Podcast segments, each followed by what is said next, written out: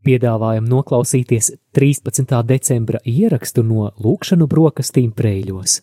Lai slavēts Jēzus Kristus, mūžīgi mūžām slavēts. Labdien! Cienījamā valsts prezidenta kundze Andra Levite, ekscelences, cienījamie garīdznieki, godātie novadu vadītāji, dāmas un kungi. Pirms pasākums sākas, vēlamies jūs informēt, ka tiks filmēts, fotografēts, kā arī tiks veikts audio ieraksts, ko vēlāk pārraidīs ēterā Radio Marija. 13. decembris ir svētās Lūcijas diena. Viņas vārds ir celies no latiņu vārda lūks gaisma. Lūcija ir dzimusi Sicīlijā 283. gadā, kādā ievērojamā un bagātā ģimenē. Tā ir bijusi sadarinājusies ar kādu vietēju neticīgo puisi, bet kāda no sveceļojumiem Lūcija redzēja vīziju, kurā viņai tika pateikts, ka viņa, lai viņa saglabā jaunavību. Un šajā mistiskā redzējumā viņai tika apsolīta arī mocekļas nāve. Būdama kristiete, Lūcija drīzumā deva šķistības un nodošanās dievam solījumu, lauza saderināšanos un pārdodot savu mantojumu, iegūtos līdzekļus izdalīja nabadzīgajiem un trūcīgajiem. Par šo rīcību viņas ligavainis viņu nodeva tiesai un apvainoja viņu kristīgās ticības apliecināšanā. Neraugoties uz bendes draudiem un mocīšanu, Lūcija palika stipra savos kristīgajos uzskatos un solījumos, drosmīgi pieņemot nāvi. No tā brīža Lūcija kļuva par gaismas simbolu. Šodien mūsu lūkšanas brokastu simbols ir gaisma, kas ir cerības, siltuma un drošības simbols. Esam pulcējušies, lai ar savu atbalstu iedegtu gaismu un cerību tiem, kam tā visvairāk ir vajadzīga. Svētie raksti mums saka, gaismekļi iededzīs, neviens to neliek zem pūra, bet lūgturī, lai tā spīd visiem, kas ir namā. Es ceru, ka pēc šī priestera Vitālija stāsta neviens vairs nebaidīsies no melnās piekdienas, bet gan mēs visi kopā svinēsim šos gaismas svētkus. Un šodien mēs visi esam pulcējušies lūkšanu brokastīs, un lūkšanu brokastis ir vieta un laiks, kas pulcē ļaudis, lai kopā pateiktos Dievam un arī līdz cilvēkiem. Pateicībā mūsu sirdis atveras un prāts nomierinās. Mēs sajūtam sevi piederīgu pasaulē un cilvēku kopienai. Latvijā, tāpat kā citās pasaules valstīs, lūkšanu brokastis ir sabiedriski nozīmīgs pasākums, kas sniedzas pāri reliģiskās un politiskās pārliecības robežām. Tas ir īpašs laiks, kad politiskie, sabiedriskie un uzņēmējdarbības līderi tiek iedrošināti veidot attiecības, kuras ikdienā dažādo pārliecību un uzskatu dēļ varbūt nav iespējamas.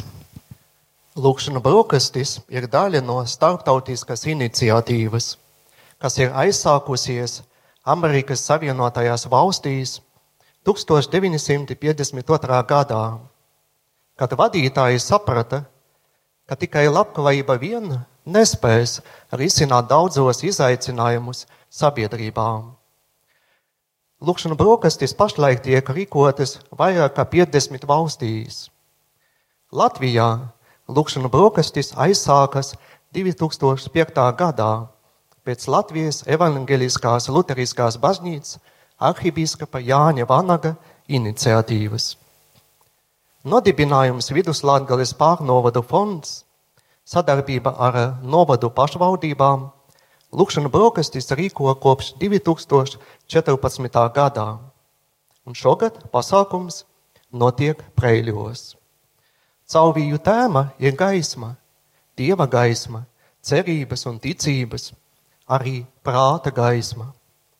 Tiem, kas tic Dievam, nav iespējams palikt aizmirstam tumsā. Ja evangelijā lasam, es esmu gaisma, es esmu nācis pasaulē, lai neviens, kas tic man, nepaliktu tumsā. Lūkšanu brokastis notiek daudzos novados visos Latvijas reģionos, un mēs jums piedāvājam šodien noskatīties filmu, ko mums laipni ir piedāvājuši Latvijas lūkšanu brokastu organizatori. Visi kopā skatāmies uz ekrānu. Jā,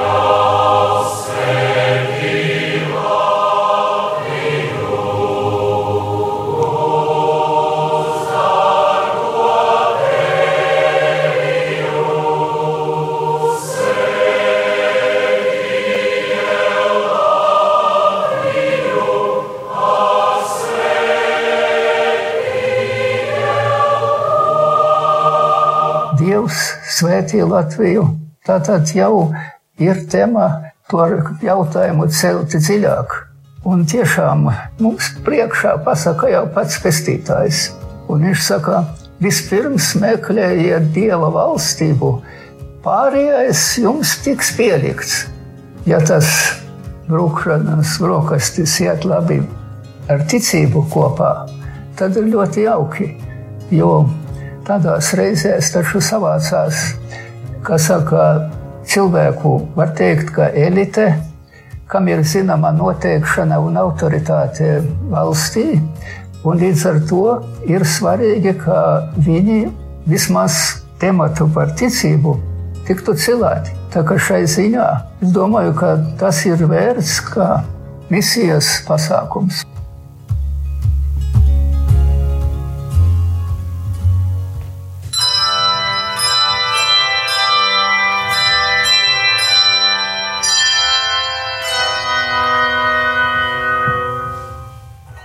Es zinu to, ka nevienmēr es biju ar Dievu, bet Dievs vienmēr bija ar mani.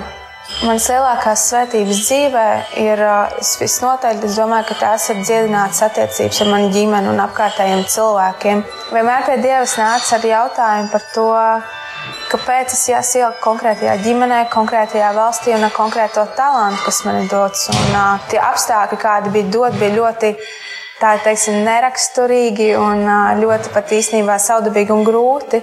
Jo zinot, ka kalnu slēpošanai ir vajadzīgs ļoti garš kalns, tas nobraukt pa 300 metru kalnu lejā, tas likās, un trenēties tur, kā tad es, kā tad es uztrenēšos tam profesionālam līmenim. Bet uh, katru gadu man tās atbildes tā kā nāca, un man tika doti cilvēki, iespējas, gan finansiālas, gan arī vienkārši cilvēcīgas. Uh, kad tās atbildes ļoti ātri nāca, un tas viss salikās, es esmu pateicīga Dievam par to. Jā. Tātad tas bija 94. gada septembris, kad es devos ar prāmi Estoniju no Tallinas uz Stokholmu, lai pavadītu brīvdienas kopā ar Zandu, kas tur strādāja. Tur. Bet, diemžēl, prāmis nesasniedz savu galpunktu, un kā mēs zinām, pusceļā viņš nogrima. Tad, kad es pavadīju šo nakti gumijas, gumijas plostā, es biju diezgan spēcīgi sasits muguru un bija ļoti augsts. Mēs jau bijām uh, peldējuši ar šo plostu kādas 4-5 stundas. Tad uh, manā dzīvē pienāca tāds moments, kad es sapratu, ka es vairs tālāk nespēju to izturēt. Un tad es sāku domāt par Dievu. Jo es sapratu, ka, ja es nākšu un lūkšu, tad uh, man vajadzēs mainīt savu dzīvi bet es biju pieredzējis dzīvot, kā es pats uzskatu par vajadzīgu. Un kādu brīdi es kā iekšēji šī cīņa bija manī, jā vai nē. Un paldies Dievam, ka es padevos Dievam, un es nācu viņam priekšā un lūdzu. Pavisam vienkārši lūkšana. Es teicu, Kungs, Jēzus, ja tu gribi izglābt mani, bet ja ne, tad lai tas viss beidzās. Un pēc šīs lūkšanas interesanti, ka Dievs atjaunoja spēkus, kā varēja izturēt. Mm, protams, lielākā svētība no šodienas skatu punktā ir ģimene. Pār zemi un jūrām un debesīm.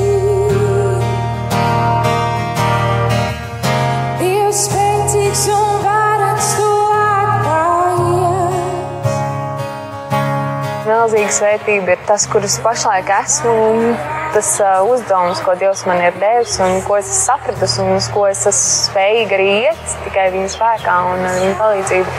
Protams, laiks pēc avārijas bija ļoti skarbs un grūts, un bija ļoti daudz gan dažādi izaicinājumi, gan grūtības, gan problēmas, ar kurām es arī vēl aizvien saskaros. Bet tieši ģimene un draugi un tā ticība, tā neatlaidība un uh, tas spīts arī brīžiem, ko man Dievs dod. Tas arī ir tas, ko es laikam savā dzīvē vairāk novērtēju. Un, protams, milzīga svētība arī ir tas, ka es ar šo uh, manu notikumu, manu dzīves stāstu varu kalpot cilvēkiem, kā varbūt iedvesmas avots, vai uzmundrināt, vai likt uz dzīvi, paskatīties nedaudz citādām acīm.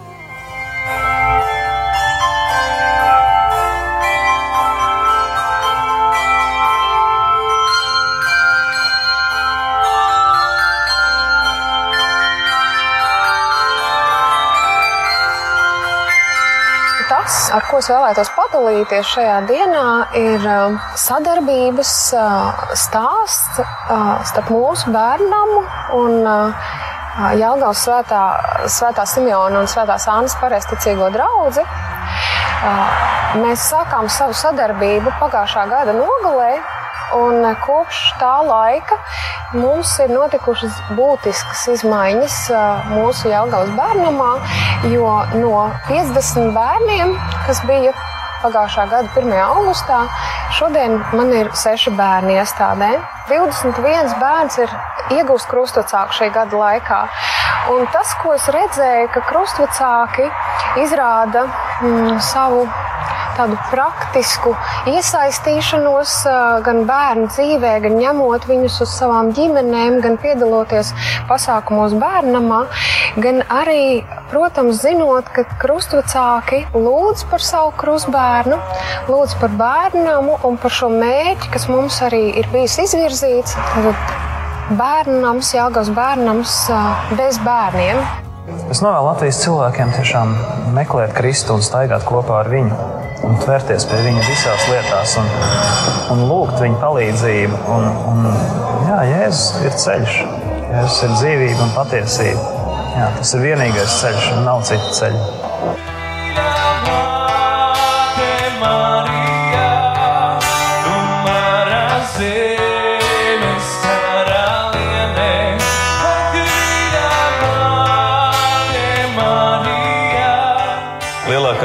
Svētības Latvijai. Priekš manis, protams, ir mana ģimene, mani bērni un eh, mana mamma.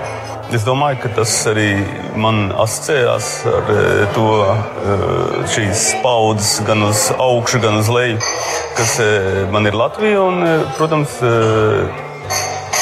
tā Dieva svētība Latvijai ir tas, ka mēs varam runāt latviešu valodā, Mēs varam runāt latviešu valodā, un tā ir šī iespēja to darīt. Mēs varam domāt šajā valodā, kas ir gandrīz vēl svarīgāk nekā runāt. Īpaša svētība Latvijai, kas ir, kas ir nākusi pār Latviju, tā noteikti ir vienotības gars. Um, īpašā veidā to piedzīvojam šeit, Aglonā, kad, kad nāk šeit uz Aglonu svētceļnieki, kur nav tikai katoļi, kur ir luterāņi, pareizticīgie, vecticībnieki, katoļi, neticīgi cilvēki. Un visi šeit piedzīvo šo pārdabisko dievu svētību. Dievs, kurš viņus uzklausa caur dievmāti, Dievs, kurš viņus pārveido, ka viņa mājās atgriežas pavisam citi cilvēki. Un tā ir tā dieva svētība, Dievs, kurš ir klātesošs katra cilvēka dzīvē. Ko tad Dievs tādu milzīgu prasa? Ja mēs, nu, kā saka, būtu obligāts mums atgriezt veselu valsti vai kontinentu, sakārtot, tas ir neiespējami būtu. Bet Dievs vairāk neprasa kā sevi pašu sakārtot. Un, un varētu teikt arī ģimeni, jo viņi pārāk saistīti tie cilvēki. Un lūk, ja cilvēki šo lietu izdara, tad, tad realizējās tas teiciens, ka viss mežs ir zaļš, ja katrs koks ir zaļš. Dievs svētī vidzemi. Dievs svētī kurzemi, Dievs svētī liepāju. Dievs svētī Latgolu. Dievs svētī mūsu zemgali. Latvija celies, topi apgaismota. Radi, dari un audz Latvija, tu esi izredzēta starp nācijām un tautām. Latvija, tu esi skaista un nozīmīga un ļoti vērtīga. Latvija, Dievs tevi mīl! Latvija, tavs prieks ir tavs spēks. Latvija, tu esi stipra un drosmīga, un viss ir iespējams. Tagad ir tavs laiks. Latvija,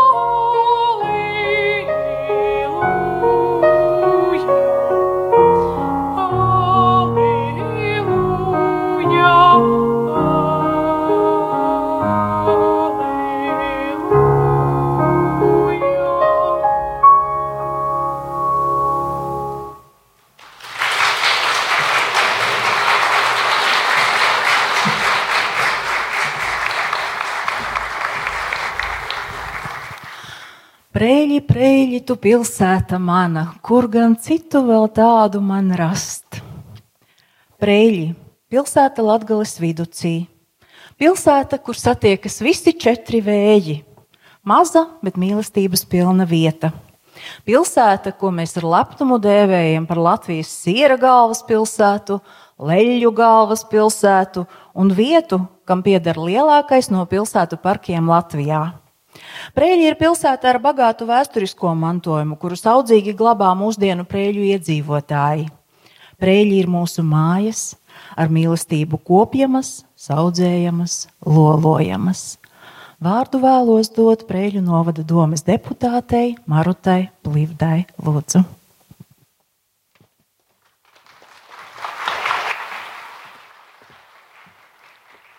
Labdien, cienījamā valsts prezidenta kundze, labdien, cienījamās dāmas, godātie kungi. Man tiešām prieks jūs visus tik kuplā skaitā redzēt Preļu novadā, Preļos, Preļu kultūras namā.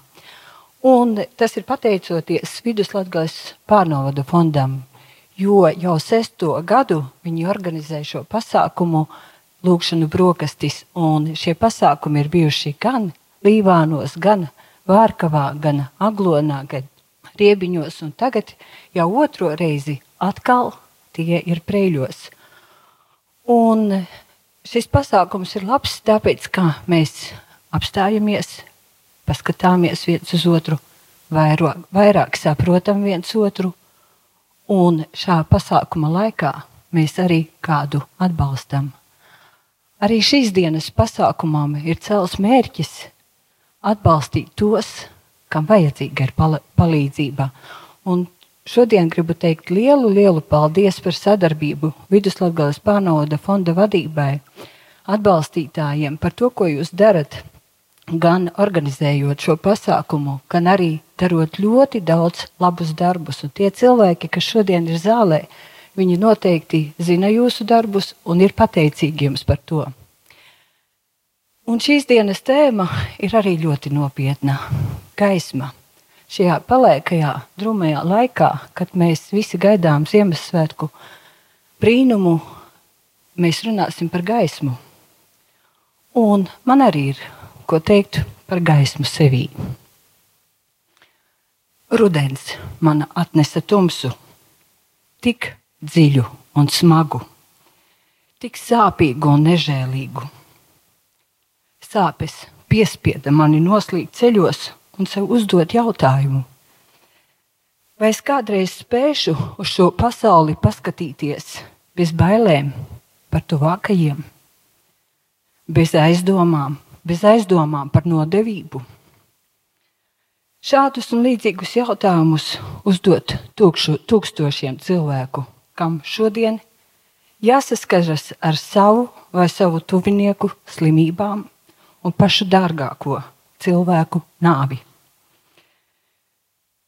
kuru ikdiena paiet sāpju, sāpju un izmisuma un tumsas ietvarā. Tāpēc, manis šodien sacītais būs veltīts viņiem. Tiem, kuri šobrīd nespēja aiz tumsas ieraudzīt kaut nelielu gaismas atblāzmu. Tiem, kuri grib dziļi ievilkt elpu un izelpot no sevis visu izmisumu.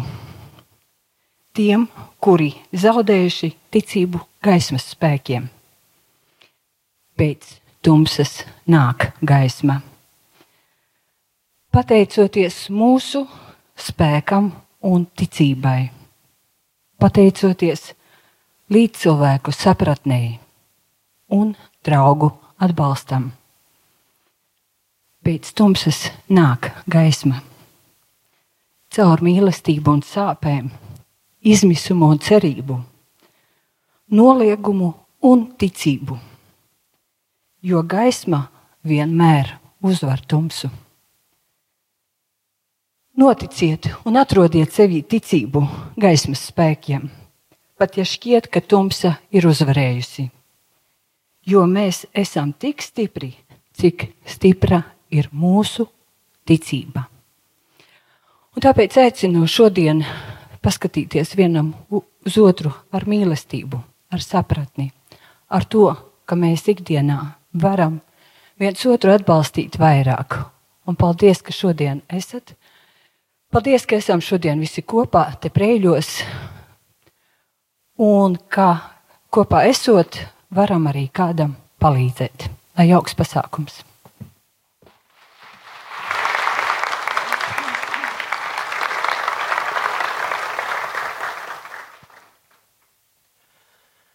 Lūkšana ir nepieciešama ikvienam cilvēkam, lai viņš varētu pastāvēt, būt laimīgs, vesels un piepildīts.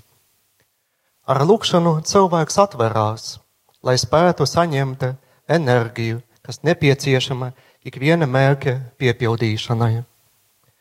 Atbilde uz lūkšanu ir klūs prieks, kas ienāk kā glāsts, kā miers un ticība saviem spēkiem ka vēlēšanās uzsmaidīt citiem cilvēkiem, ka vēlme kādam palīdzēt, kādam pateikt paldies, kādam piedot.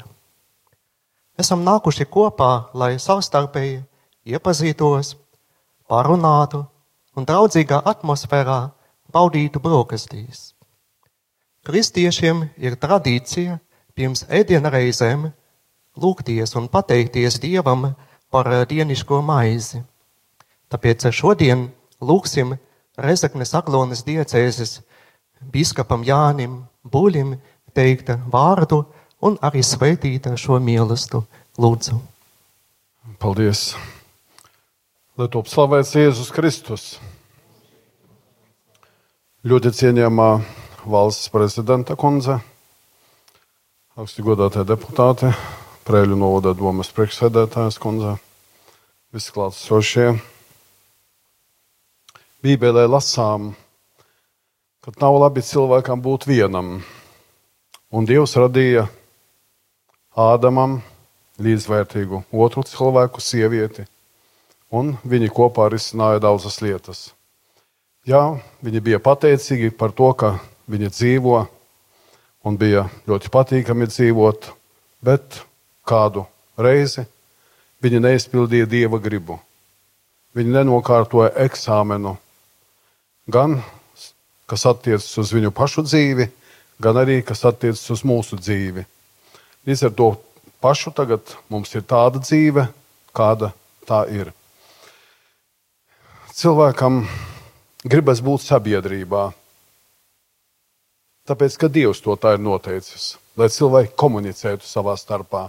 Arī mēs šodien esam šeit, Brēļu pilsētā, esam šeit visi kopā pulcējušies, lai lūgtu Dieva svētību, jo lūgšanu brokastu mērķis ir lūgt Dieva svētību, lai mums veiktos darbs, lai mums būtu šī svētība dzīvei, mūsu gaitām, mūsu ceļam mūsu bērniem, mūsu ģimenēm, mūsu valstī un tautai.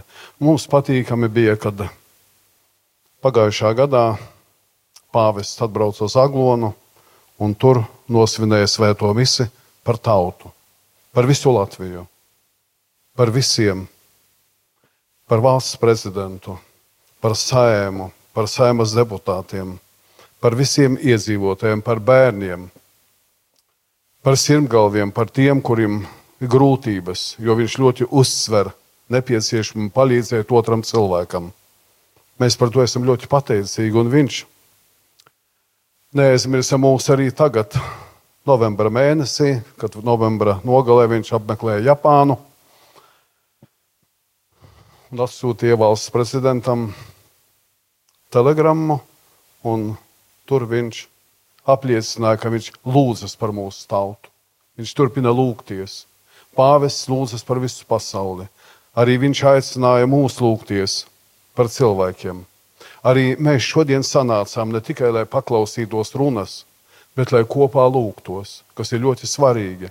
Jo tādēļ ir šīs lūkšanas brokastis arī aizsākās, lai cilvēki sanāktu kopā, lai lūgtos un lai Dievs viņiem svētītu, lai viņi varētu risināt tās problēmas, kādas bija tajā laikā Amerikas Savienotajās valstīs, no kurienes, kā teica, arī iesākum, iesākums ir sācies šim skaistajam un ļoti labajam tādam ieradumam, ar tradīcijām, mēs tagad varam sacīt. Ir ļoti, ļoti labi tas ir, ka mēs komunicējam, ka mēs esam kopā, mēs apliecinām savu ticību. Vaicājums, vai mēs kā kristieši varam iztikt bez baznīcas, bez draudzes? Droši vien, ka jā, varam. Bet vai mēs saņemsim Dieva svētību?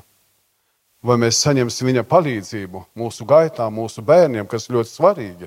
Un kā mēs tad iemācīsim bērnus ticēt Dievam, kalpot Dievam, ja mēs svētdienās paiesim garām baznīcai?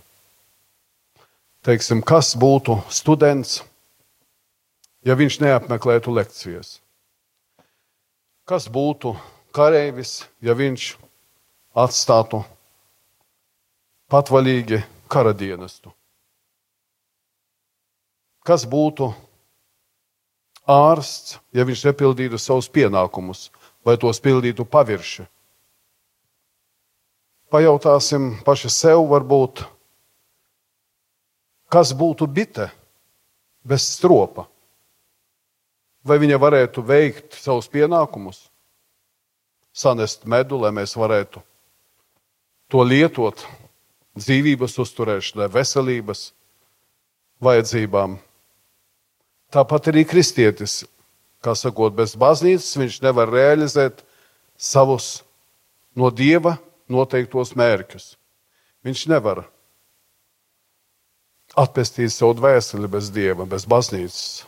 Cilvēks saka, nu es tā savā sirdī lūdzos, es viens pats slavēju dievu, es nenāku uz baznīcu. Lūk, vārdu sakot, cilvēku atbilde būtu tā, ka skolēns, kas nenāktu uz skolu, neapmeklētu stundas, mācību stundas, kas viņš būtu. Tāpat arī mēs, ja attālināmies no Dieva un neuzturam kontaktu tā, kā to noteikusi ir baznīca, tad ir apdraudēta mūsu pestīšana. Un tagad ir svētīgais adventa laiks. Adventa laiks ir radies tādēļ, lai mēs sagatavotos mūžīgai dzīvei, lai mēs sevi svētdarītu, lai mēs parādītu viens otram mīlestību, lai mēs darītu labus darbus. Mēs esam aicināti to darīt. Un Advents baznīcā nebija tā iedibināts pašos pirmsākumos ar kādu dekrētu, bet tas radās no tautas, no, no draudzēm mūsu. Bērni kādā skolā vai mācību tādā audzināšanas iestādē Viņi bija nu, slinki, varbūt, un daudz no viņiem darīja slikti. Kā tas mēdz skolās arī notikt? Jo bērns neapzinās, skolēns, ka viņam vajag būt vienmēr labam un godīgam. Viņš to varbūt arī neizprot, varbūt trūkst mūsu piemēra. Un tad audzinātājs, lai varētu kaut kādā veidā bērnus mobilizēt, lai viņi darītu labu, nevis blēņas tikai. Viņš katru nedēļu noteica regulu tādu, kad bērniem jādara tas un tas. Un tā vārdu sakot, tuvojās Ziemassvētki, Kristus dzimšanas svētki, un, un viņš aicināja bērnus sagatavoties tieši šīm svinībām ar to, ka viņi darīs labu, nevis sliktu. Tā lūk, vārdu sakot, viena nedēļa, otra nedēļa, trešā nedēļa, ceturtā nedēļa un tad Ziemassvētki. Un bērniem vajadzēja veselu mēnesi, kā sakot, intensīvi darīt labu. Un tādā veidā, kā sakot, arī pēc tam, kā saka, tas pārgāja uz baznīcu, kad tiek aicināti cilvēki četras nedēļas intensīvi lūgties un, protams, darīt mīlestības darbus. Un tādā veidā tika iedibināts adventa laiks. Un šajā laikā mēs arī, mēs arī tuvojamies viens otram ar mīlestību, Šajā laikā mēs arī vairāk lūdzamies, mēs šajā laikā nākam uz baznīcu vairāk nekā varbūt citā laika periodā. Un baznīcā mēs satiekamies ar Dievu īpašā veidā. Baznīcā mēs atgūstam to klusumu, pēc kura ilgojas mūsu sirds un mūsu dvēsele. Baznīcā mēs sakārtojam paši sevi lai varētu otram arī parādīt to labo un skaisto no savas dvēseles. Lai mēs sacītu labus, mīļus vārdus, varbūt darbā, citiem, līdzbrāļiem un līdzmāsām, varbūt mājās, ģimenē.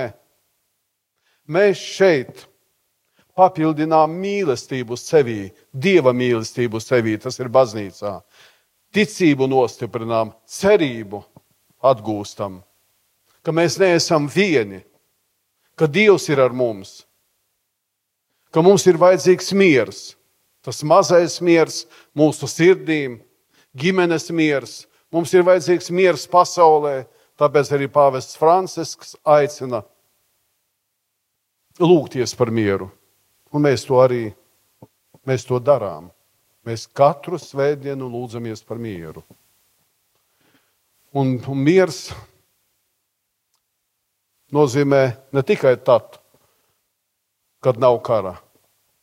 Mieres ir tad, kad cilvēkā nav grēka, kad cilvēkā ir dieva žēlastība, kad cilvēks ir atvērts dieva vārdam, dieva mācībai, dieva rekomendācijām, kā piemēram kalna svētībām, par ko mēs varam lasīt Bībelē. Mums ir ļoti daudz darāmā. Es aicinu brāļi un māsas, atjaunoties ticībā, lai mēs ar stipru ticību, mīlestību un cerību, ar cerību uz mūžīgo dzīvi, mēs varētu svinēt šos Kristus dzimšanas svētkus šajā gadā. Jo mēs nezinām, kā būs nākošajā gadā. Mēs varam izteikt prognozes, bet tās var būt maldības, maldīgas. Tāpat kā, piemēram, prognozē laiku,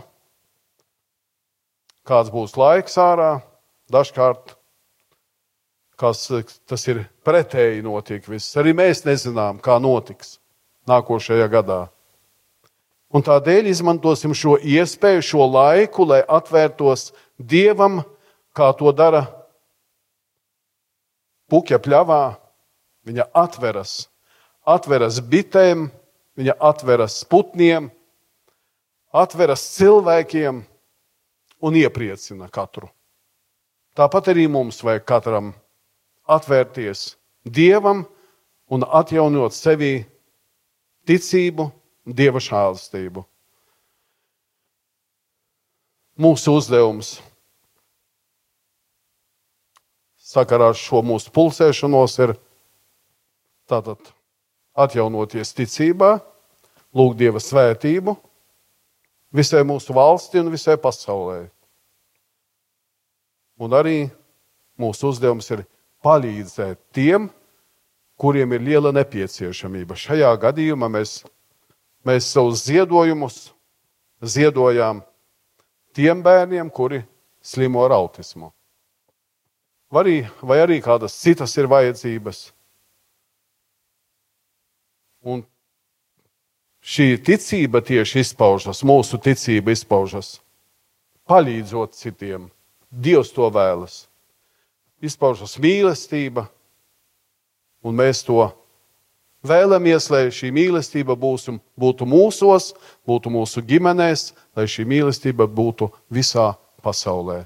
Dievs, paldies par šo jauko brīdi, būt kopā un arī lūgties kopā ar jums, mīļie Prēļu novada ļaudis. Dievs, paldies valsts prezidentē, prezidentas kundzē par klātsamību šeit, deputātiem, kuri arī atnāca šeit nevis lai gūtu kādus bonusus, bet lai būtu kopā ar saviem vēlētājiem un kopā, un kopā lūgtos visi. Paldies! Jauku dienu un arī šo adventa laiku ļoti svētīgu vēlu jums. Un, protams, arī Kristus dzimšanas svētkus, kas nu jau drīz arī būs. Lai Dievs svētī mums visiem! Mūzika man vienmēr bija sapnis, kurš radīto sajūtu, emociju dēļ izgaismojas visus turpmākos ceļus. Tā nu šis sapnis turpina attīstību un spodrību, līdz pietuvosies piepildījuma virsotnēm. Ticība un mūzika - tās ir garīgās vērtības, tā ir bagātība. Mūzika ir valoda, sapnis, lidojums, un kad to balsta ticība, tā kļūst par dvēseles valodu, piepildījumu, veidu, kā uzrunāt, iepriecināt, dalīties, izstāstīt, arī pateikties Dievam. Par saņemto, par visām žēlastībām, dāvanām, talantiem, spēju runāt un just mūzikas valodā. Tā sakņojusies daudzu dvēseļu stīgām vienā sajūtā, kopības vilnī. Maize patiesi baro un spēcina miesu, bet dvēseli spēcina ticība, mīlestība un mūzika. Tā par savu mīlestību pret mūziku stāsta Aija Jarmaloviča. Jaunā talantīgā dziedātāja, kas ir mācījusies gan Prēļu mūzikas skolā, gan Rīgas doma koru skolā, un šobrīd mācības turpina Lietuvas mūzikas un teātra akadēmijā. Aija ir piedalījusies arī pirmajās lūkšanu brokastīs. Mīlestība pret mūziku šajā ģimenē ir arī mazajai māsai Laurai, kuras dziedājumu jūs jau dzirdējāt. Un vēlāk to dzirdēsim dziedam arī kopā ar Aiju. Klausamies, dzied Aija Jermoloviča, koncertmeistere Kristīna Sauliša.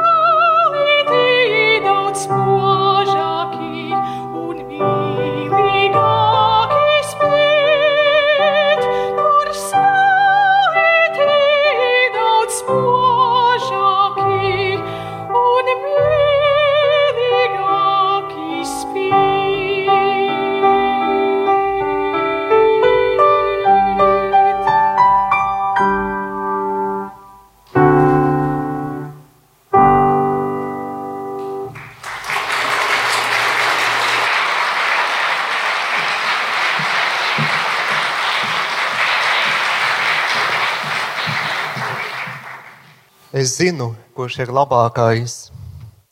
Ja viņš, Egils Levīts, kļūst par valsts prezidentu, es pildīšu savus pienākumus. Tā pirms četriem gadiem teica Andra Levītē. Valsts prezidenta kundze Andra Levītē šoruden pārcelās uz Latviju, lai līdzās savam vīram, Latvijas valsts prezidentam Egilam Levītam, sāktu jaunu dzīvi zemē, kurā nekad nav dzīvojusi. Andra par šo likteņa pavērsienu smaida, sakot, ka bieži dzīvē negadās pusmūžā piedzīvot kaut ko pirmo reizi. Ar Latgali Levītes kundzei ir īpašas attiecības, jo Andres mamma nāk no Latgales. Un varbūt tieši tas bija par iemeslu, ka šodien prezidenta kundze Andra Levīte ir mūsu goda viešņa Viduslatgales lūkšanu brokastīs. Vārds valsts prezidenta kundzei Andrei Levītei.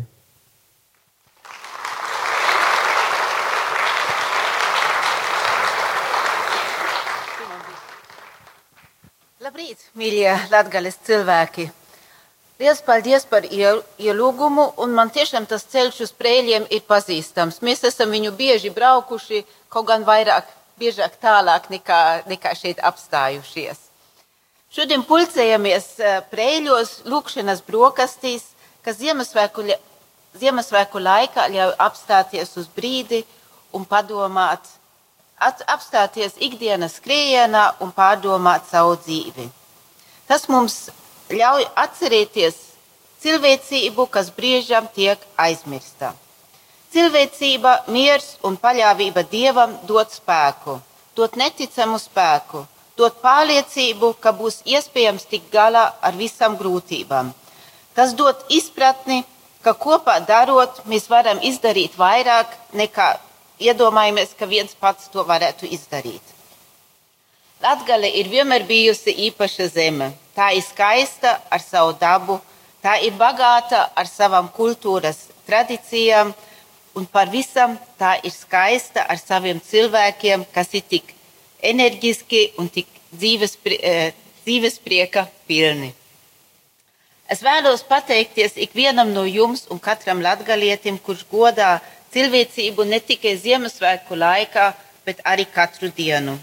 Jūs domājat un darat ikdienā Jūs domājat un ikdienā darat tā, lai Latgale uzplauktu, lai Latgales cilvēkiem, lai Latgales cilvēki ietu nākotnē ar drošu sirdi.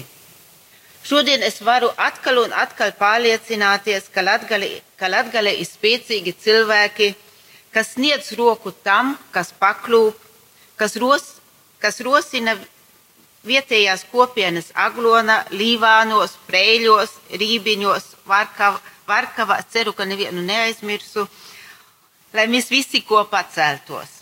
Jūs stāvat klāt jauniešiem, jūs dodiet viņiem padomus, jūs palīdziet maz nodrošinātam ģimenem, jūs atbalstat cilvēkus ar īpašām vajadzībām, šodien īpaši bērnus ar autismu, jūs sekmējat brīvprātīgo darbu.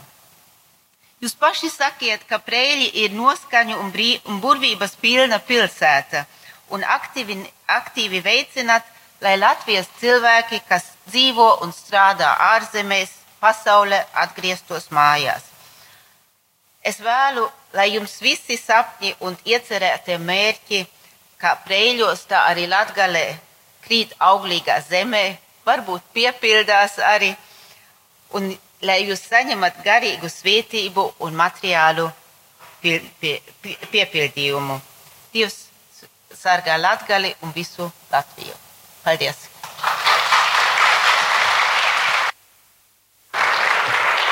Paldies! Paldies gribam teikt prezidenta kundzei Andrei Levitei par to pagodinājumu, ka jūs šodien esat pie mums, mūsu viduslatgals lūkšana brokastīs. Paldies jums! Un es domāju, ka mums tā šī tikšanās varbūt ir pirmā, bet ne pēdējā. Paldies jums sirsnīgs par jūsu klātbūtni. Un kā piemiņu, kad jūs bijāt šodien pie mums, mēs jums gribam dāvināt Latgales fotogrāfu sagatavoto grāmatu Latgalietes 21. gadsimtā. Lai jums kādreiz brīvos brīžos paskatoties sirds silst un jūs atceraties prēļus, paldies jums sirsnīgs. Paldies!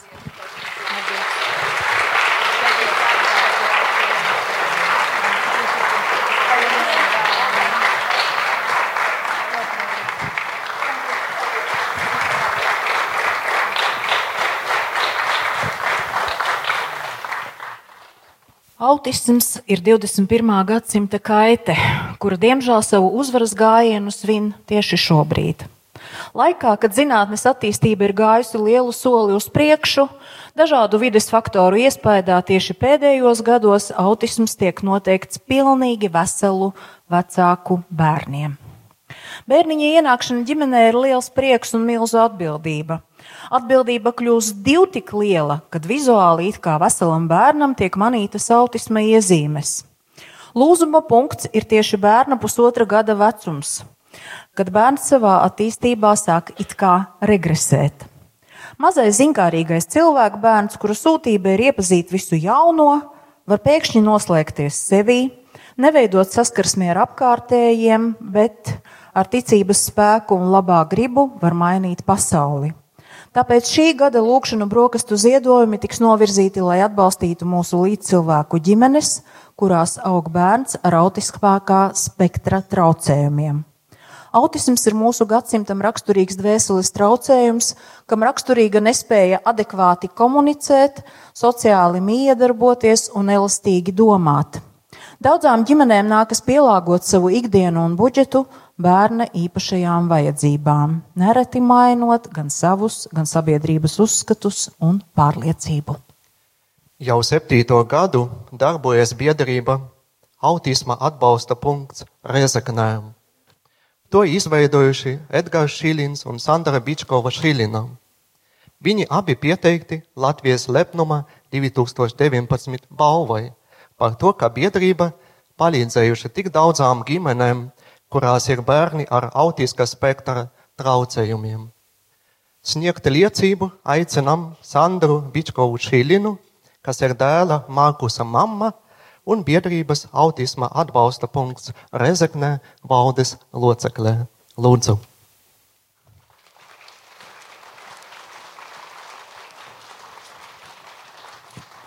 Dien visi klātesošie. Tā kā jau teicu, es esmu mamma savam autiskam bērnam. Mūsu ceļš lietus bērnam sākās no trīs gadu vecuma. Jāsaka, ka tas nebija viegls un uzreiz saprotams. Bija ilgu jautājumu un atbilžu meklējumu laiks, kurā es kā mamma augu kā cilvēks Mācījos dzīvot no sākuma. Atvēru baltu lapu, nosvītroju savu dzīvi.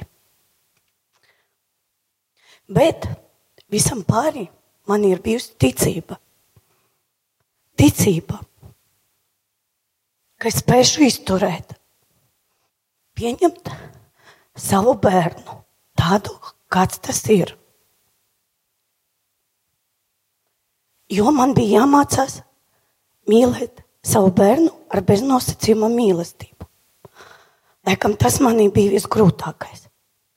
Man bija jānoslēp savas ambīcijas, jāiemācās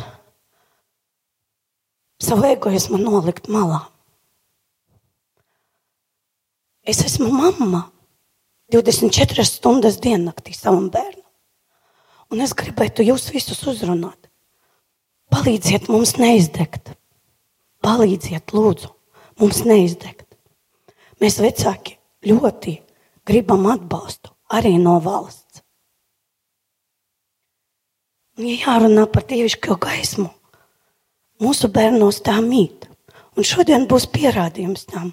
Viņi spēja, viņi spēja uzstāties, viņi spēja, viņi gaida tagad šo uzstāšanos, viņi gatavojās. Un tagad viņi parādīs, ko viņi spēja.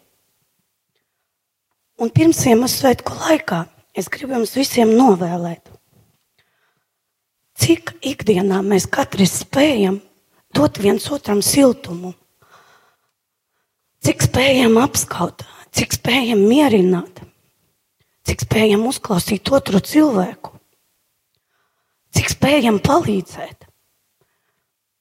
Es domāju, ka vissvarīgākais ir ticēt, cerēt un nepadoties. Visiem jums priecīgus Ziemassvētkus un paldies, ka mūs paaicinājāt uz šo jauko pasākumu un ļaujiet arī mūsu bērniem sevi parādīt. Paldies! neatteicāt un šodien esat ar mums kopā. Un tas kāds labums un lepnums arī no mūsu puses. Jā.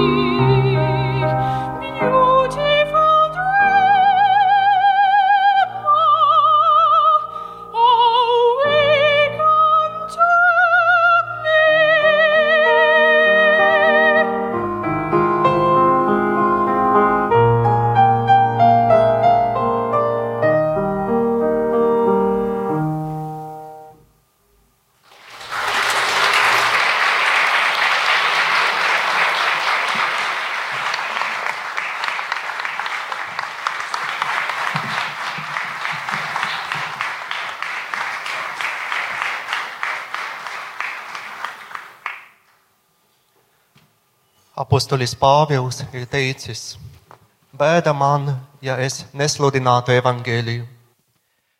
Garīdznieks ir viens no tiem cilvēkiem, kurš savā ikdienā saskarās ar neskaitāmiem cilvēku dzīves stāstiem un liecībām.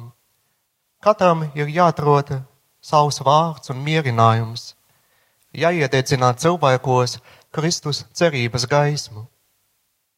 Bet šodien lūksim Daugaupils Jēzus sirds draudzes prāvestam Andrim Ševelim teikt vārdu. Cienījamā prezidenta eh, kundze, eh, darbie ekscelence un brāļi priesteri, augsti godātie kungi un cienījamās kundzes. Šodien ir liels prieks un gandarījums būt kopā ar jums šajā pasākumā. Esmu daudzas reizes piedalījies lūkšanu brokastīs un gribu teikt, ka šis ir tāds pasākums ļoti īpašs, jo uzrunā sirdi un nes tādu gaismu un dod arī tādu spēku un vēlmi kļūt labākam, būt labākam un šo gaismu, ko esmu saņ, es, esi saņēmis, nest tālāk. Un jūs labi laikam zināt, ka baznīcā ir tāda ļoti sena liturģija, kuru sauc par gaismas liturģiju. Šajā liturģijā ir ļoti svarīgas divas zīmes, ļoti vienkāršas zīmes. Tā ir tumsa un gaisma. Kad ir tumsa, tad tumsa simbolizē šo cilvēka e, tumšo pusi, e, cilvēka grēka realitāti, cilvēka dzīvi bez dieva. Paši zinām, pat ja savās mājās mēs atrodamies un mums ir jāiet e, e, caur tumšu koridori, teiksim, mājās, mēs taustāmies gar sienām, mēs nedaudz baidāmies, lai neieskriet ar galvu pat e, labi zināmā izkārtojumā, bet lai aiziet līdz tam mērķim, uz kurienu mums ir jāiet.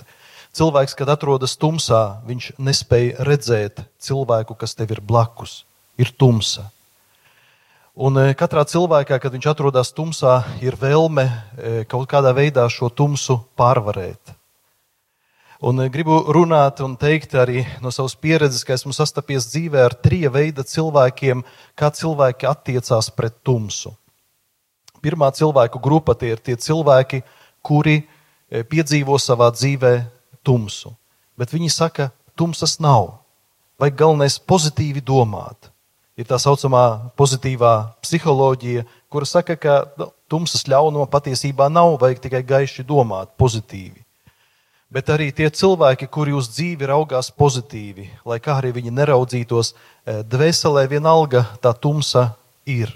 Ir dvēselē tāds tukšums. Un cilvēks tad mēģina dažādos veidos piepildīt šo tukšumu.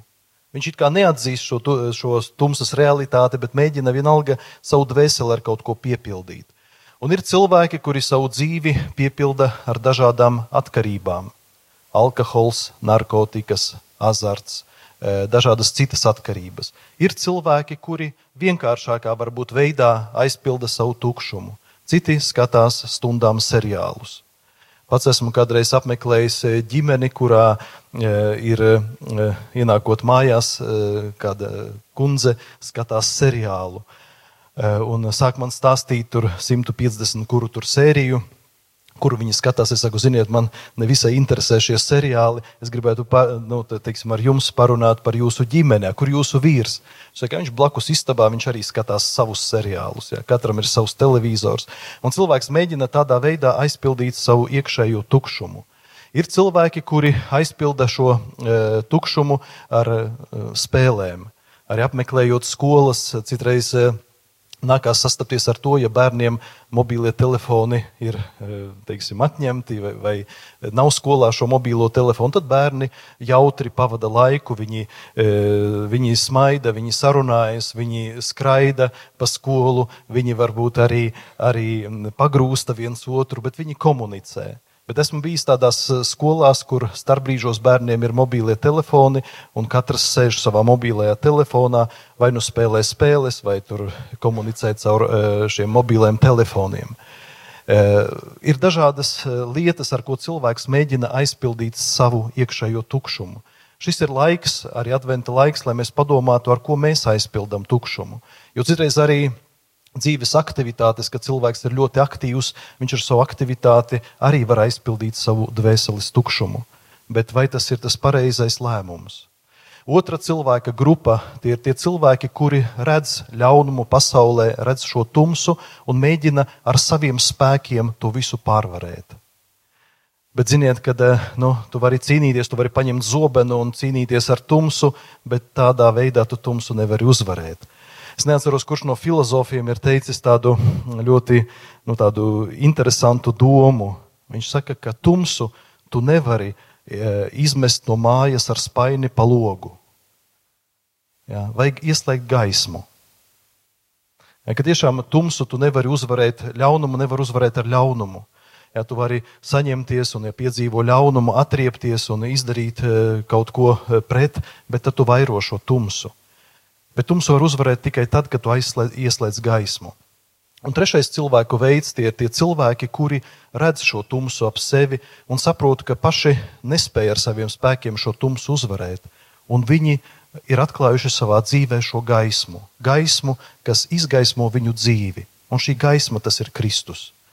Un atgriežoties pie šīs eh, gaismas liturģijas, kur šis elements tumsa simbolizē šo eh, grēka eh, situāciju, jeb cilvēka bezizēju no šīs tumsas, tad pietiek, ka divnamā tiek ienesta gaisma vai ieslēgta gaisma, un viss uzreiz paliek skaidrs.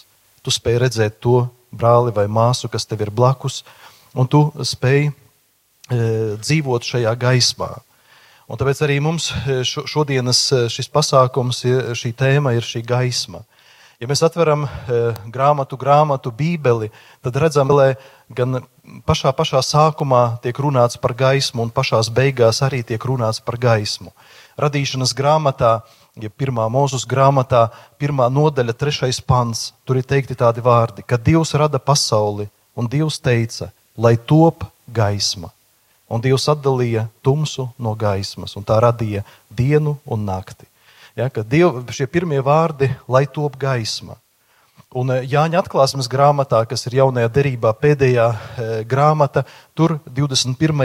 nodaļā ir teikti tādi vārdi. Tur tiek runāts par jauno Jeruzalemi, par šo mūžīgo dzīvi. Un ir teikts, ka tajā jaunajā Jeruzalemē vairs nebūs vajadzīga saules gaisma, jo Dieva spožums visu piepildīs, un tas lukturis, eh, kas izstaros gaismu, būs Jēzus Kristus. Ka, lūk, eh, šeit Bībele norāda uz to, ka šī gaisma, eh, tas ir Dievs, kurš šo gaismu nes pasaulē, lai izkliedētu šo tumsu. Un arī apustulis Jānis, viņš runājot par Dievu, viņš saka, ka Dievs ir gaisma, un viņā nav tumsas.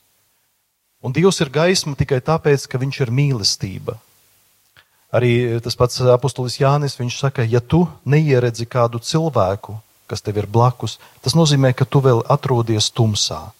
Tad redzam, ka gaisma viņa arī varētu teikt, ka simbolizē šo labo, simbolizē mīlestību. Un tāpēc, eh, tad, kad cilvēks dara labu, tad, kad cilvēks mīl, viņš arī atrodas šajā gaismā. Un, ziniet, citreiz nākās sastapties arī ar cilvēkiem, kuri uzskata, ka pasaule ir tāda, kādu tu redzi, bet tā tas nav. Pasaule ir tāda, kāda ir tava dvēsele. Ja tava dvēsele ir gaiša, tad tu spēj to labo ieraudzīt šajā pasaulē un būt par visu pateicīgs. Bet, ja tavā dvēselē ir tumsa, tad tu nespēj redzēt to labo pasaulē. Tad arī daudz cilvēki saka, ka viss Latvijā ir slikti. Bet nav jau Latvijā slikti, tāpēc ka uh, kaut kas tāds ārējs būtu slikts, bet tāpēc ka tumsa ir tavā dvēselē. Un šis e, gaidīšanas laiks, e, priecīgas gaidīšanas laiks uz Kristus dzimšanas svētkiem arī mudina mūs, lai mēs ļautu šai Kristus gaismai ienākt mūsu dzīvē. Un tas ir ļaut Kristum ienākt mūsu dzīvē, lai viņš izgaismotu mūsu dzīvi. Un arī mācītu mūs darīt labu, nes šo gaismu un mīlestību citiem. Un noslēgumā gribētu e, atsaukties uz pāvesta Franciska tādu ieteikumu, Pavests eh, Francisks bieži saka, ka nekad nedrīkst noslēgt dienu bez izlīkšanas. Un tas attiecās īpaši uz dzīvi ģimenē. Ka nekad nebeigt dienu bez izlīkšanas ģimenē. Ja ir vienam pret otru kaut kas, tad izlīgt vajag vienam ar otru tajā pašā dienā. Un kā to izdarīt? Pāvests Francisks runā par tādiem četriem soļiem, kā to darīt. Pirmkārt, mēs varam par to otru cilvēku, kurš mums varbūt ir nodarījis kaut ko sāpīgu, palūkties. Otrakārt, nedarīt viņam ļaunu. Tas nozīmē uzvarēt sevī šīs negatīvās, negatīvās emocijas. Trešais, izdarīt kaut ko labu. Un ceturtais, neaprunāt šo cilvēku. Un tie ir tie eh, tādi soļi, kas palīdz cilvēkam eh, izlīgt vienam ar otru. Tāpēc, eh, darbie klātesošie, kā mēs arī sakām, starp kristiešu starpā brāļi un māsas, tad aicinātu arī jūs būt par šiem gaismas nesējiem šajā mūsdienu arī sabiedrībā. Nest šajā tumšajā, varbūt arī laikā šo gaismu. Tas nozīmē dodot citiem cilvēkiem mīlestību, darot labu un piedodot cits citam lai mums arī e, gaiši, gaiši šie e, svētki, šis arī pasākums, lai viņš arī palīdz mums vēl vairāk atvērties un darīt labu. Paldies!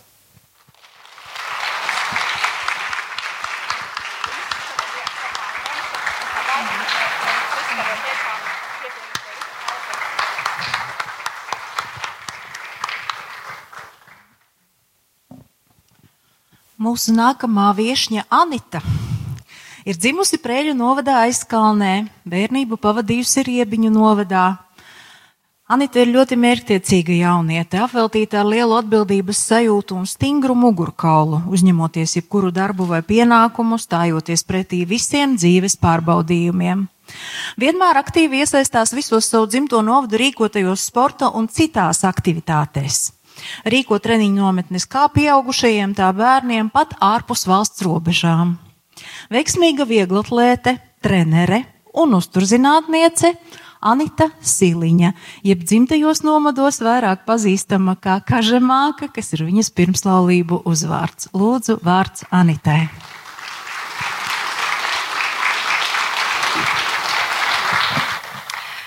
Labdien visiem, prezidenta kundze! Um, kad man organizatori pazvanīja un uzaicināja šo jauko pasākumu, par kuru es īstenībā biju dzirdējusi, bet nezināju, ka tas notiek arī Latvijā. Un man bija liel, liels prieks un gods, un es ar vislielāko prieku apstiprināju, ka es būšu. Un, tāpēc es vēlos, lai tiek veltīti aplausi arī um, pasākumu organizatoriem par to, ka viņi liek mums atcerēties ikdienā par tādām lietām, ko mēs ikdienas darbos vienkārši aizmirstam. Kad vajag uh, lūgties kopā, ka vajag būt arī kopā ar citiem, ģimeni un līdzcilvēkiem, ka vajag atbalstīt, ziedot un palīdzēt varbūt tiem, par ko mēs ikdienā pat neaizdomājamies. Tāpēc milzīgi aplausi organizatoriem. Um, es esmu sportiste ar 20 gadu stāžu. Um, var teikt, no septiņu gadu vecuma mana ikdiena ir tikai sports. Un, um, tad, kad es augu, uh, man nebija atbalsta ģimenē, tāpēc, kad īsti nesaprata, kad es atbraucu mājās, nu, kura tad ir vieta, pirmā, ah, nu, tas jau forši, bet um, to īsti to ir grūti saprast. To ir grūti saprast, ko tas īstenībā prasa no sportista.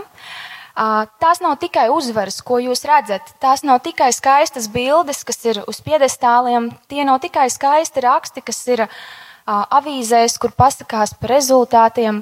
Tas ir milzīgs darbs. Un sportista darbs ir 24 stundas diennaktī. Tas ir darbs gan emocionāli, gan fiziski. Um, tās ir sāpju pārvarēšanas, tās ir emocionālās grūtības un tam visam galā ir uzvara. Jā, visam iziet cauri. Kas priekš manis ir tā cīņa? Tā cīņas ceļā es zinu, ka uh, ir mana ticība, mana ticība, mans spēks un neatlaidība. Un, uh, zem manas ticības un manas neatlaidības ir gaisma, ko es vienmēr redzu galā. Tā ir mana uzvara. Tā ir mana gaisma, ko es sasniedzu un ko es varu dot citiem, un līdz ar to es varu parādīt sevi. Um,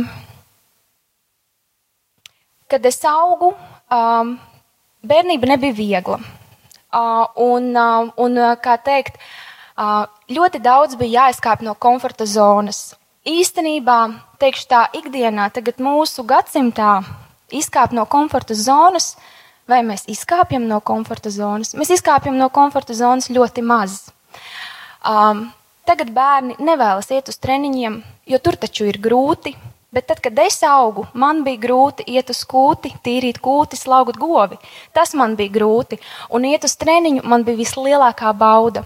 Un šeit mēs aizmirstam to, ka, lai sasniegtu mūsu uzvaras, lai mēs noticētu sev un saviem spēkiem, un lai mēs atrastu to gaismu sevī, ir dažreiz jāizkāp no komforta zonas un jānovērtē, cik labi ir būt komforta zonā.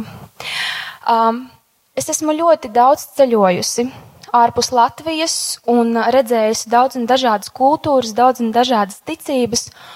Un, um, un es vēlos novēlēt jums visiem, lai jūs uh, vairāk baudat ikdienu, lai jūs vairāk smaidat, lai jūs vairāk pasakaties par kaut vai primitīvām lietām. Šodien bija laba darba diena, šodien uh, kolēģiem bija laba saruna jā, par primitīvām lietām. Tātad smaidīt, baudīt un pateikties par katru mazāko pozitīvo lietu. Un uh, nesūkstēties par katru lietu, kas nav izdevusies, bet celties, iet un darīt vēlreiz, ja tas ir nepieciešams. Šī ir tā lieta, kas man ir palīdzējusi gan manā profesionālajā karjerā, sportā, gan arī izglītībā. Jo tad, kad es gāju prom 14 gadu vecumā no riebiņiem, teica Anita, ko tu tur ar sportu mācies labāk? Bet es domāju, nē, es sportošu un es mācīšos. Jo, ja es būtu ticējusi citiem un ļāvusi salauzt to, ka tu taču nevari, tev taču neizdosies, tad man nekas nebūtu izdevies savai ticībai, savai gaismai, kas manī ir iekšā. Es gāju un katru dienu ticēju un darīju, un šeit ir jādara. Nekad neatlieciet uz rītdienu. Es novēlu jums pirmkārt atrast šo gaismu sevī. Un dot to citiem līdz cilvēkiem, un varbūt tiem, kuriem tā ir visvairāk vajadzīga. Paldies jums, lai priecīgi svētki, lai jauka jums šī lūkšana. Paldies!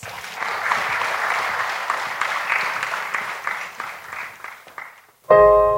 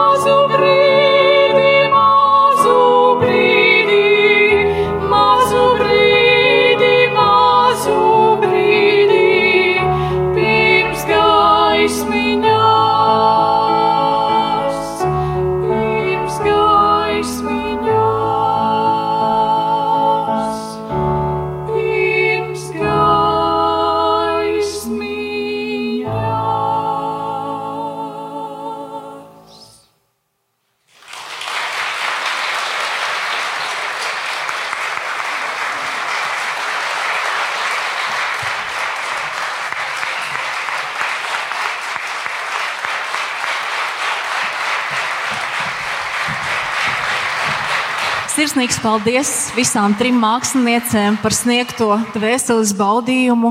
Vārdu uzrunai vēlos dot Viduslatgales pārnovadu fonda dibinātājai Valijai Vaivadei. Lūdzu.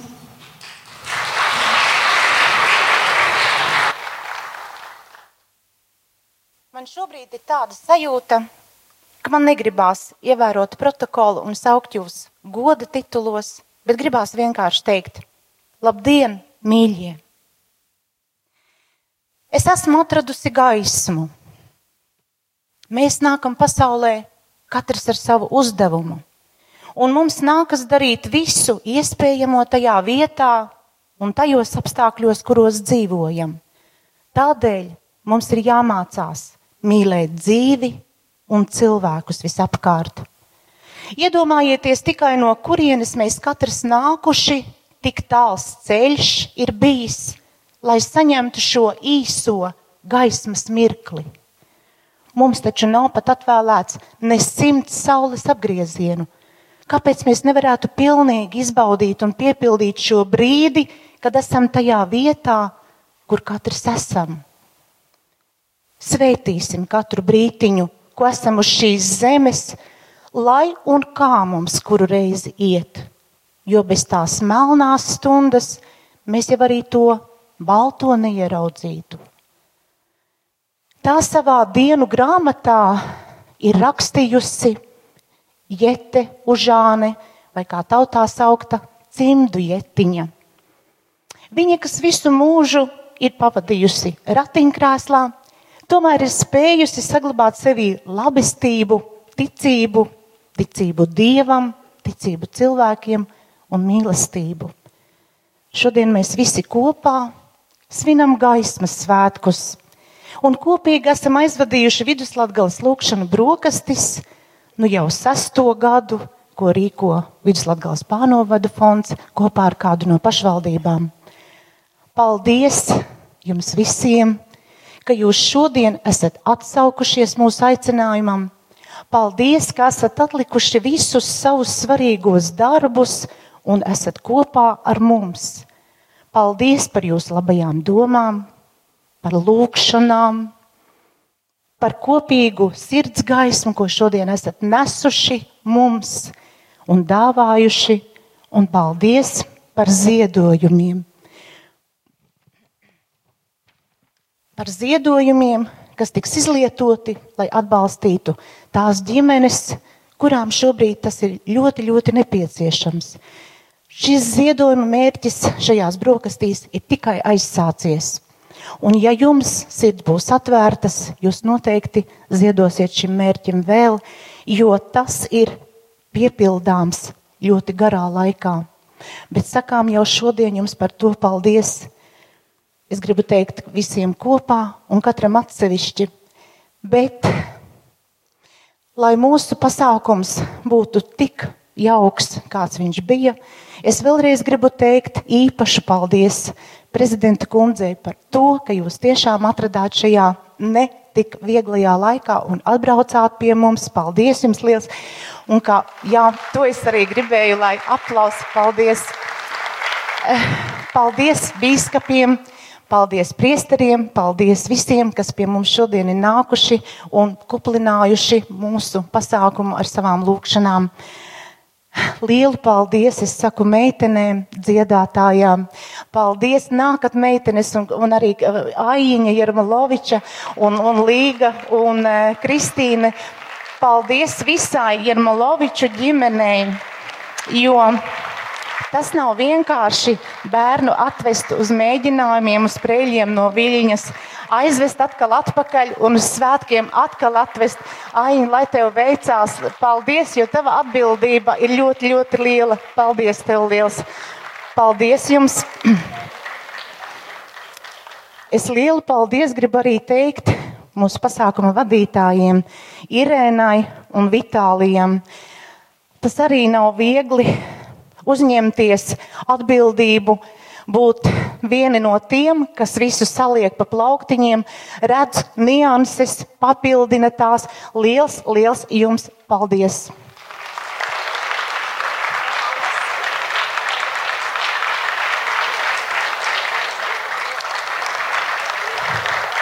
Paldies! Sirsnīgu gribu teikt Preļu novada domai par atbalstu, Preļu kultūras centram, komandai par palīdzību, par atsaucību, par atbalstu, tehniskajam personālam, uh, Silvijai, māksliniecei, galdu klājējiem, visiem, visiem milzīgi liels paldies! Un beigās gribu novēlēt, lai šis laiks, šis varbūt gada tumšākais laiks, gaidīšanas laiks līdz Kristus piedzimšanas dienai, jums visiem būtu labu domu, labu darbu, dieva gaismas un mīlestības un svētības laiks. Paldies jums liels!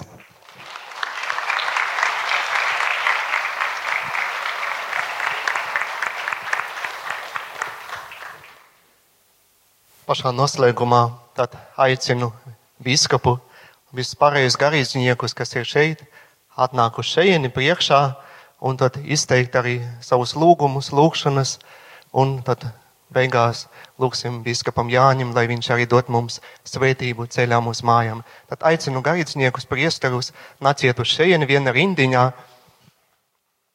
un ar katrs izteiksim savu lūgumu. Nāciet lūdzu tad arī Dieva tēva un dēla un svētā gara vārdā.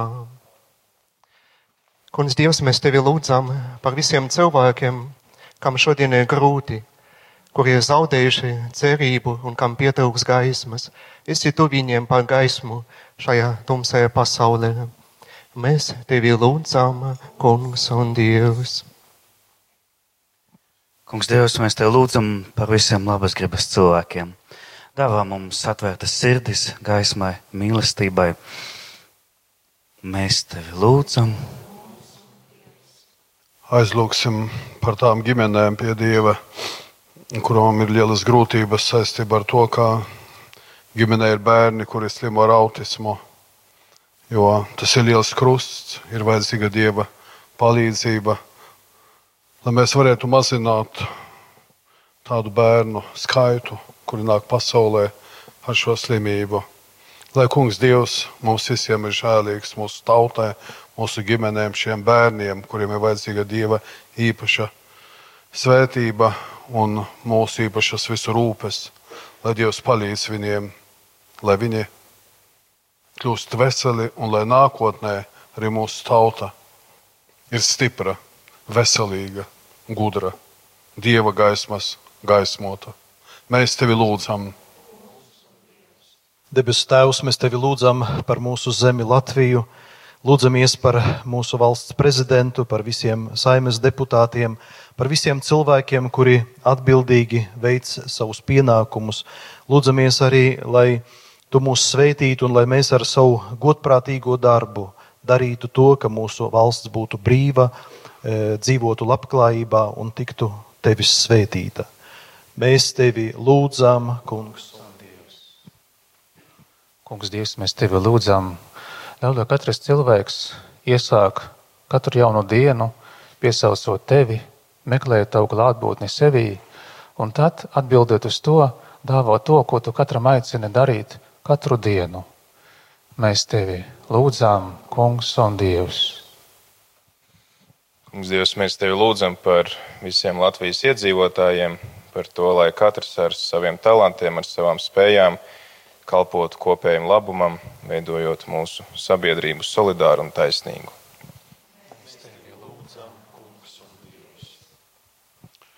Noskatīsim visi kopā Tevs mūsu lūgšanu.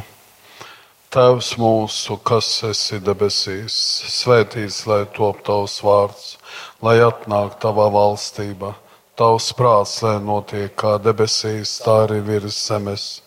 Mūsu dienišķo maizi dod mums šodien, un piedod mums mūsu parādus, kā arī mēs piedodam saviem parādniekiem, un neieved mūsu kārdināšanā, bet atpestī mūs no ļauna.